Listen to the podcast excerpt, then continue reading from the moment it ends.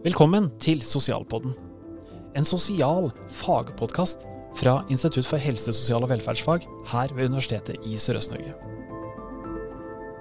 Velkommen til denne podkasten som handler om eh, systematikk i barnevernet. I studio er vi tre personer med ulik erfaring og tilknytning til arbeid i barnevernet. Eh, la oss ta en kjapp presentasjon av hvem vi er og hvor vi kommer fra. Heidi, kan du starte? Ja, hei. Jeg heter da Heidi Sanden. Jeg jobber jo her ved USN nå, men er midlertidig, i en midlertidig stilling. Kommer fra Bufetat, så jeg kommer fra praksisfeltet. Godt. Vegard? Ja, Vegard Snartland heter jeg. eh, Er eh, mangeårig lærer på høyskole og etter hvert universitet. Og er sosiolog, men har i mange år fuska i faget som eh, miljøterapeut, eh, barne- og ungdomsinstitusjon og arbeid med med voksne i heldøgns rusbehandling, så, så, det er min erfaringsbakgrunn. Ja, og mitt navn er Knut. Og jeg jobber også på Universitetet i Sørøst-Norge i en midlertidig stilling. Har bakgrunn fra barnevernsinstitusjon, statlig som sådan. Og har ellers jobba mye med barn og unge på ulike arenaer. Eh, men dere, dagen i dag handler jo om systematikk. I utgangspunktet så er det sånn åh, hvorfor skal man det? En ting er at Læringsutbyttebeskrivelsene sier jo at vi skal ha kjennskap til systematisk barnevernfaglig arbeid, og at vi skal ha kunnskap om barnevernspedagogers arbeidsfelt. Men eh, hva er egentlig systematikk, da? Ja, jeg hiver meg på, ja. fordi at eh, i mitt praksisfelt så, så, har vi en klar definisjon, og det er at eh, motsatsen til systematikk er jo tilfeldighet. Og, og, vi ønsker ikke å jobbe tilfeldig. Mm. Så, ja. ja for, og, og, definisjon uh, på systematikk, der har jo vi leita litt. da. Uh, og da så jeg at Barne- og likestillingsdepartementet de har en relativt lang definisjon. Vi skal ta og lese den. da. At arbeidet er systematisk, betyr at det er preget av en bevisst refleksjon, at det er meningsfull og logisk sammenheng mellom de ulike elementene i arbeidet, at arbeidet følger en hensiktsmessig fremdrift, og at nødvendige justeringer foretas underveis. I barnevernarbeid innebærer systematikk også at personene arbeidet angår, er involvert i hele prosessen. Den var litt lang og tung. Ja, men egentlig ganske presis og tar for seg mange sider av hva systematikk er. Eh, når jeg eh, hører deg lese den, så er det den siste setningen som jeg blir kanskje litt overraska over, og veldig glad for å, for å, høre. Det at man altså da definerer eh, medvirkning og samarbeid som en nødvendig del av en arbeidsprosess for å kunne kalle den systematisk. Det er å slå veldig tydelig fast at det er nødvendig. Mm. Og det jeg blir opptatt av, det er den første delen også, fordi at den sier bevissthet og refleksjon, sånn at man har en tanke bak det man gjør, og at man følger opp den tanken fra en start til en slutt. Det også er vel et viktig element i denne definisjonen. Ja, absolutt. Absolutt. Og så er det det også greia å gjøre det her til noe som vi kan relatere oss da, eh, som eh, barnevernspedagoger, eller fremtidige barnevernspedagoger. Eh, for det er mange fine ord, og dere setter jo godt ord på hva det betyr. Men vi skal i dag se litt på ulike deler av barnevernsarbeid hvor systematikk er aktuelt. Og det første vi skal snakke litt om, det er barnevernstjenesten uh, ute i kommunene. Uh, hva, hva, kan systematikk være der? Uh, I din jobb i Bufetat, Heidi, så har vel du jobba en del opp mot kommunene, har du ikke det? Jo. Og det er jo sånn at i barnevernet så er det de som på en måte fatter beslutninger. og det som For at vi skal kunne samarbeide da, om disse beslutningene som barnevernstjenesten fatter, så er det jo viktig at de følges opp i en viss rekkefølge. Og at vi, vi følger en systematikk i det. Altså Apropos med saksganger i, i, i, for barnevernstjenesten. Og at vi eh, som jobber i Bufetat med tiltak, følger opp på en sånn måte at ikke det blir tilfeldig i utgangspunktet, og at det skaper forutsigbarhet for de barn og unge det gjelder. Sånn at systematikk må på en måte ha en hensikt inn mot brukeren av tjenesten eller mottaker av tjenesten. Kan vi si noe om et eksempel, da? F.eks. hvordan barnevernstjenestene jobber, jobber, systematisk? Ja, jeg tenker jo at, at uh, når et barn uh, Eller at når man jobber med en bekymringsmelding rundt et barn, så, så er det jo viktig at det, de som jobber, har uh, en prosedyre eller en prosess for hvordan de innhenter informasjon, hvordan de systematiserer den informasjonen, og hvordan de bruker den informasjonen til å begrunne hvorfor de handler, eller hvorfor de gjør som de gjør. Mm. Og eh, når de også i tillegg har dokumentert det på en god måte, sånn at den prosessen er synlig for andre, så tenker jeg at da har de jobba systematisk, og, og, og, at det inngår i den måten vi definerer systematikk på. Ja. Barneombudet de har da laget, skrevet en rapport som heter 'De tror vi er shitkids', som uh, tar opp en del problemstillinger knytta til barnevernet. Og de vel, kommer med noen råd i forhold til det her med det du akkurat snakka om nå. Ja, ja. Husker du hva det var, Heidi? Ja, det husker jeg veldig godt. Og det som, det som, de påpeker der, det er jo akkurat det at man skal kunne gjenkjenne de prosessene som har ligget forut for eh, de beslutningene man har gjort, og at disse skal være eh, synlige for brukerne, eller synlig for de barn og unge Eh, som dette angår. Da. Mm. Og det gjør jo at eh, det, det, setter jo noen krav til den barnevernfaglige. Altså det å sette ord på prosesser, det å sette ord på vurderinger man gjør. Og kunne framstille det på en god måte. Det er det som ligger i systematikken i den sammenheng. Da kommer jo nettopp denne formuleringa om at den det angår, barn og unge eller den voksne eh, er involvert i prosessen hele veien. Og jeg har møtt mange ungdommer i institusjon som eh, kan si noe sånn som at 'jeg aner ikke hvorfor jeg er her'. Nei, 'Jeg har ikke fått noe informasjon, jeg vet ikke noen ting om hva som er bestemt'. Og det er dere voksne som, og varianter av det.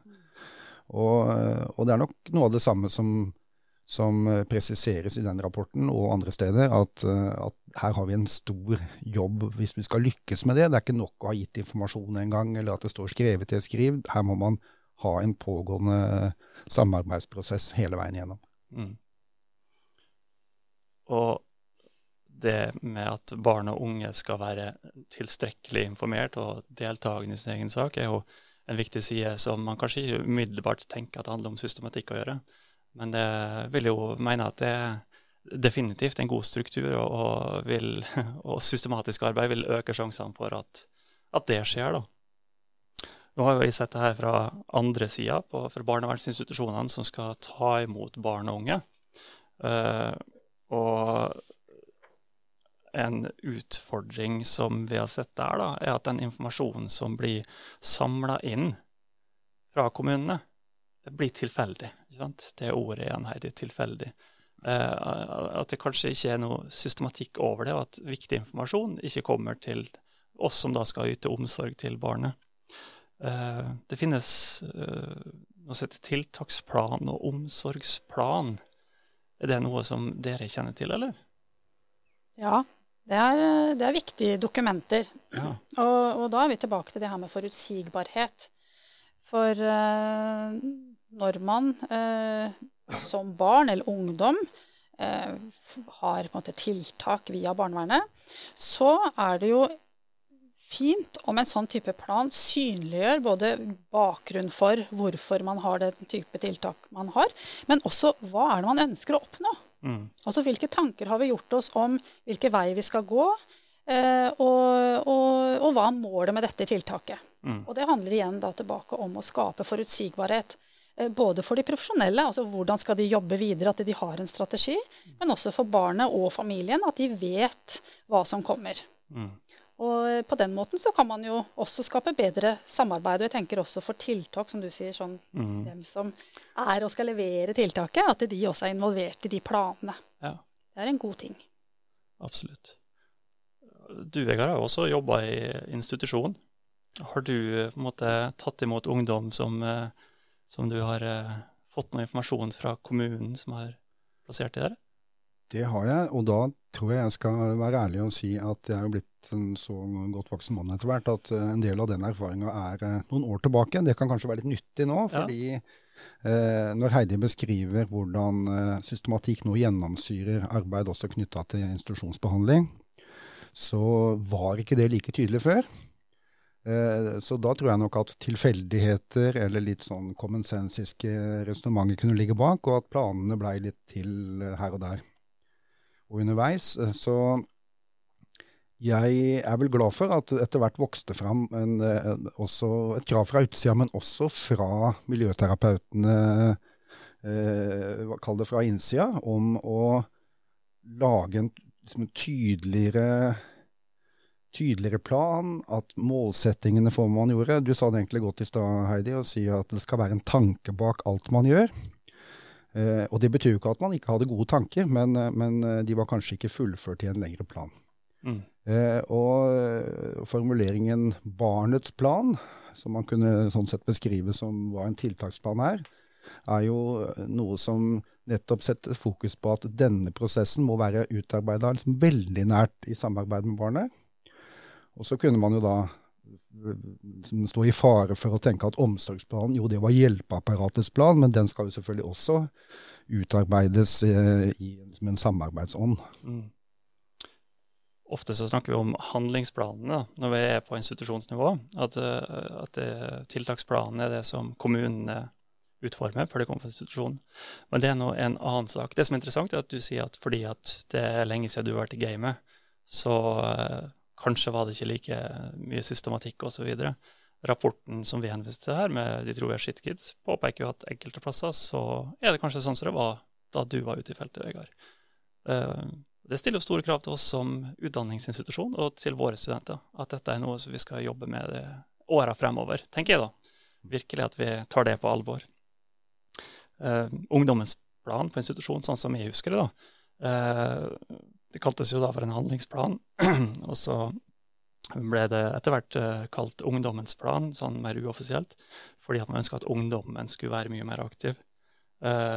og som dere sier, da, det skal være konkrete og individuelle mål. og Det skal være nyttig verktøy, da, ikke minst for ungdommen sjøl, men også for institusjonen, for å kunne tydeliggjøre hvilke behov er det ungdommen har, og uh, hvordan kan vi jobbe sammen for at ungdommen skal ha nytte av institusjonsoppholdet. Eh, så det er jo en måte hvor man skal jobbe veldig systematisk, for der skal det lages en plan i samråd med ungdommen. Den skal evalueres underveis. Skal se om målet er nådd. Og det er et veldig godt eksempel, tenker jeg, da, på systematikk i barnevernet. Uh, og nå har vi snakka litt sammen på sånne overordna ting, da. Men, men hva da, uh, når vi skal være sammen med barn og unge? Er det ikke greit nok da å være en bra person med smilet på lur, eller hva tenker dere? Ja, jeg tenker at det, jo, vi skal være det òg. Men i samhandling med, med, med, barn og unge, som ofte er jo i en litt sånn kanskje en uavklart situasjon, kanskje en kriseprega situasjon, eller at de eh, ha en blitt flytta fra sitt vante miljø og sånn sett er i en eh, vi kan kalle det en sårbar posisjon i forhold til akkurat den konkrete livssituasjonen de er i, så tenker jeg at eh, hvis vi som på en måte profesjonelle eller barnevernsfagarbeidere jobber systematisk i relasjonen, så er det også sånn at man har en tanke bak det man gjør da. Altså sånn at det relasjonelle er jo også en bit av det eller å jobbe systematisk. Du sier i stad det her med handlingsplanarbeid, eller handlingsplaner, er ungdommens plan. Mm. Og da kan man jo også si at det å jobbe godt med sånne typer planer, er å bruke ungdommens plan som et relasjonelt verktøy. Ja. Og, og da, da, bygger man jo inn eh, eh, elementer av eh, forutsigbarhet i det relasjonelle arbeidet ved at man følger opp f.eks. tematikk eller ting man snakker med ungdommen om eller barnet om. Og at barnet kjenner igjen det i det videre eh, arbeidet. Ja. At barnet blir trygg på at når jeg formidler eller at vi samhandler om dette, så vet barnet at dette blir fulgt opp. Mm. Eh, fordi barnet, i, eller særlig barn som bor på institusjon, eller, så møter de veldig, veldig mange mennesker. Mm. Så systematikk handler også om hvordan er det vi skaper trygge relasjoner for barnet, og trygge omgivelser for barnet. Mm. Du er inne på noe veldig vesentlig nå, sånn som jeg hører, Heidi. Dette med at uh, det å involvere barn og ungdom i sin egen endringsprosess, det er å vise at man tar dem på alvor. Og det er vel budskapet i, i ShitKids-rapporten. Det er også et veldig klart budskap fra Forandringsfabrikken eller fra Landsforeningen for barnevernsbarn. Det at man ønsker å bli involvert, og at man nok har opplevd at de voksne, terapeutene og behandlerne, har tenkt at alle vanskelige avgjørelser knytta til hva som er godt for de, denne ungdommen, de, de, må de voksne ta. Mer eller mindre bevisst. Og det å bli involvert, det er å føle at man blir tatt på alvor og at noen virkelig engasjerer seg. Så du sier fint med at det er også et, eh, liksom et relasjonelt verktøy, og det tror jeg virkelig er, er sant. Mm. Absolutt. Jeg har jo tenkt av og til at jeg kan være redd for at uh, systematikk kan være til et hinder for relasjon. Uh, for eksempel når, jeg var ute i min uh, praksis når jeg tok utdannelse, så kom jeg til en institusjon hvor, hvor jeg hadde et skjema med 25 spørsmål som ungdommen skulle krysse av på hver kveld. Uh, 'Jeg har ikke ruset meg', ja eller nei. Så kunne de få belønning alt ettersom hva de kryssa av, osv. Uh, eh, og det skulle da tas på kvelden, rett før de skulle legge seg. Og da kom vi fra min utdannelse i Danmark, hvor vi var veldig opptatt av det relasjonelle. Og syntes det her var veldig uproblematisk. Hva tenker dere om en sånn type systematikk? Ja, du peker på noen viktige ting. fordi at eh, når vi jobber systematisk, så må vi jo se på um, hva, er, altså, hva, er, hva, er, tanken bak. Mm. Uh, men det holder ofte ikke bare med tanken bak. Fordi vi må omgjøre det til handling. Eh, og hvis vi tenker at det å krysse av et skjema, eller å, å jobbe på en måte så skjemabasert, eller, eller, at vi bare har på en en modell som vi gjennomfører sånn, uh, som bruker det som et instrument, så tenker jeg at det viser vel også mangel på noen ferdigheter. Så apropos det å bruke det som et relasjonelt verktøy, så kreves det trening.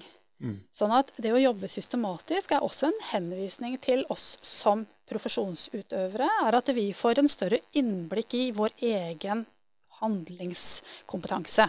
Ja. Sånn at uh, hvis jeg er uh, bevisst på tanken bak, eh, gjennomfører. Men at jeg også kanskje tenker litt over hvordan det gikk når jeg gjennomførte.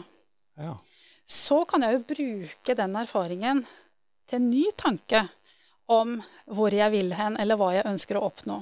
Sånn at vi må, vi må legge oss sjøl inn i systematikken og inkludere vår egen læringsprosess i det. Og da er det fint å jobbe systematisk, for da vet vi om, eller vi får kunnskap om, hvem vi er i mm. utøvelsen. Absolutt. Jo da, eh, systematikk versus relasjonsarbeid er jo et klassisk eh, sånn uenighetspunkt i miljøterapeutgrupper osv., hvor man kanskje lager et sånn vrengebilde av den andre parten. At noen bare er opptatt av skjemaer og sjekklister og tellekanter, mens, eh, mens andre da gir blaffen i planer og hverdagsrutiner og hva man blir enige om, og, og bare er opptatt av det gylne relasjonelle øyeblikket. Og ingen av delene er eh, godt miljøterapeutisk arbeid, hvis vi holder oss til institusjonen som eksempler. Ja, det gjør vi. Og det du beskriver, er kanskje et, liksom det eksempelet du trakk fram, Knut, er kanskje et eksempel på der planen har blitt en tvangstrøye og ikke et hjelpemiddel.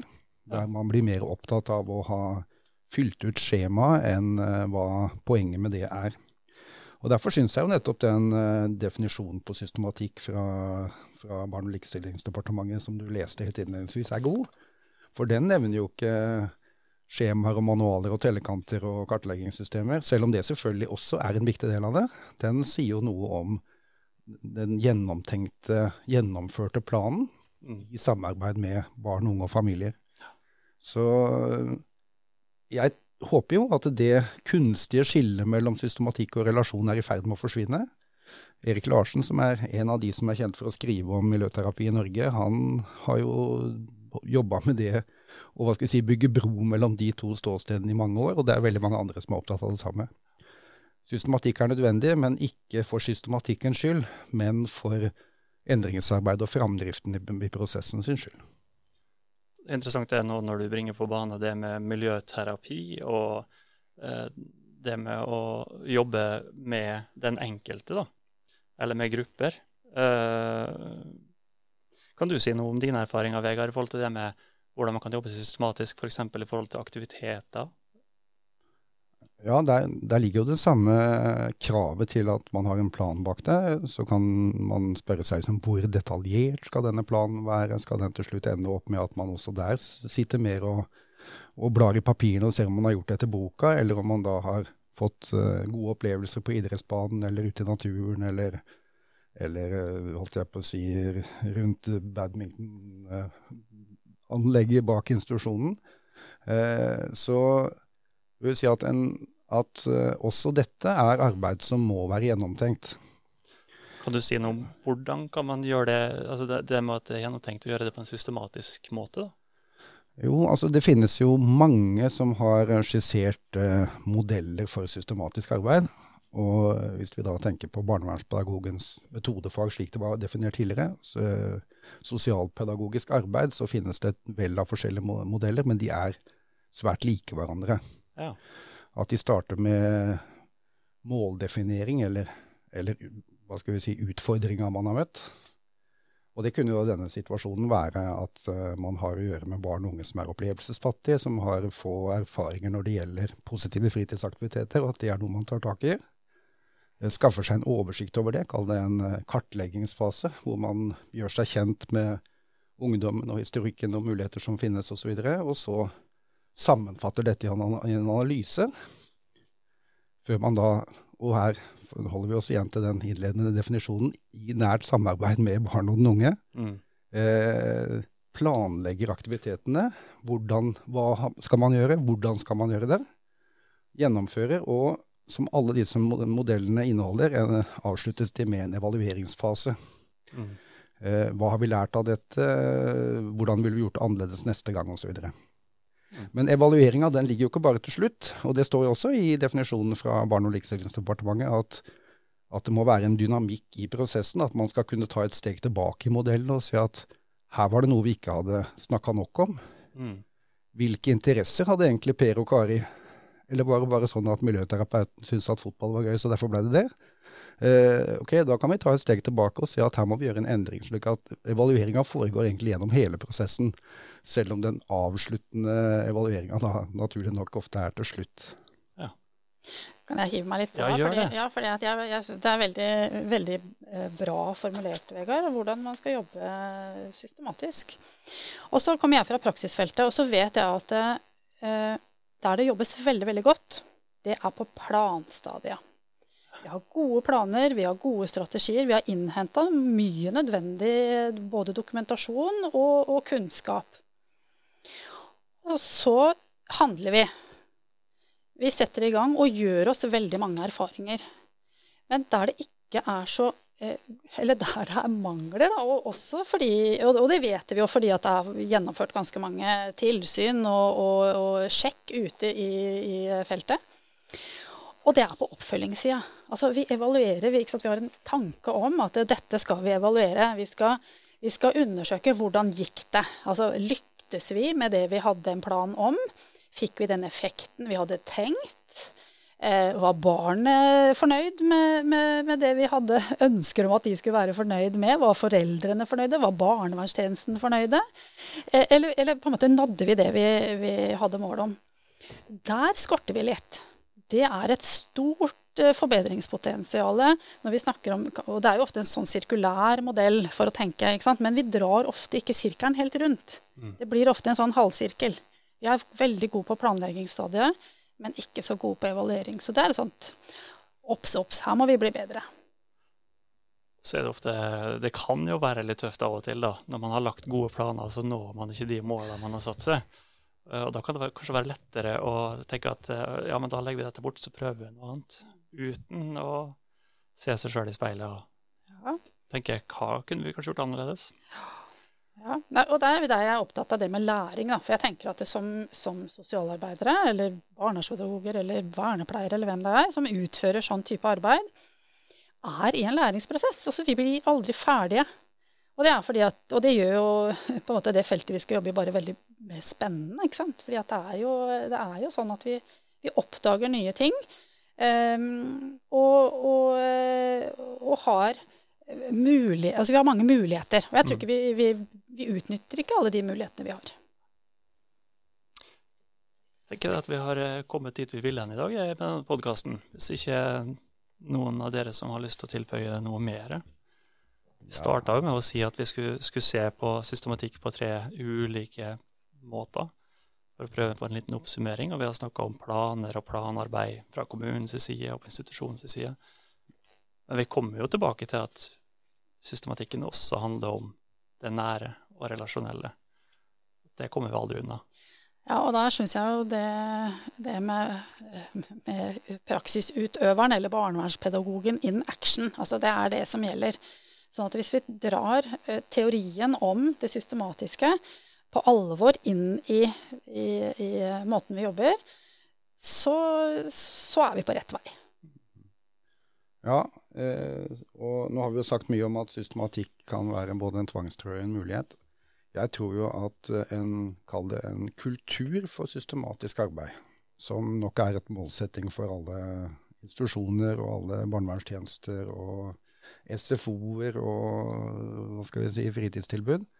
Eh, hvis kulturen for systematikk foreligger, så er også rom for spontanitet og det som dukker opp i øyeblikket som man ikke kunne planlegge på forhånd.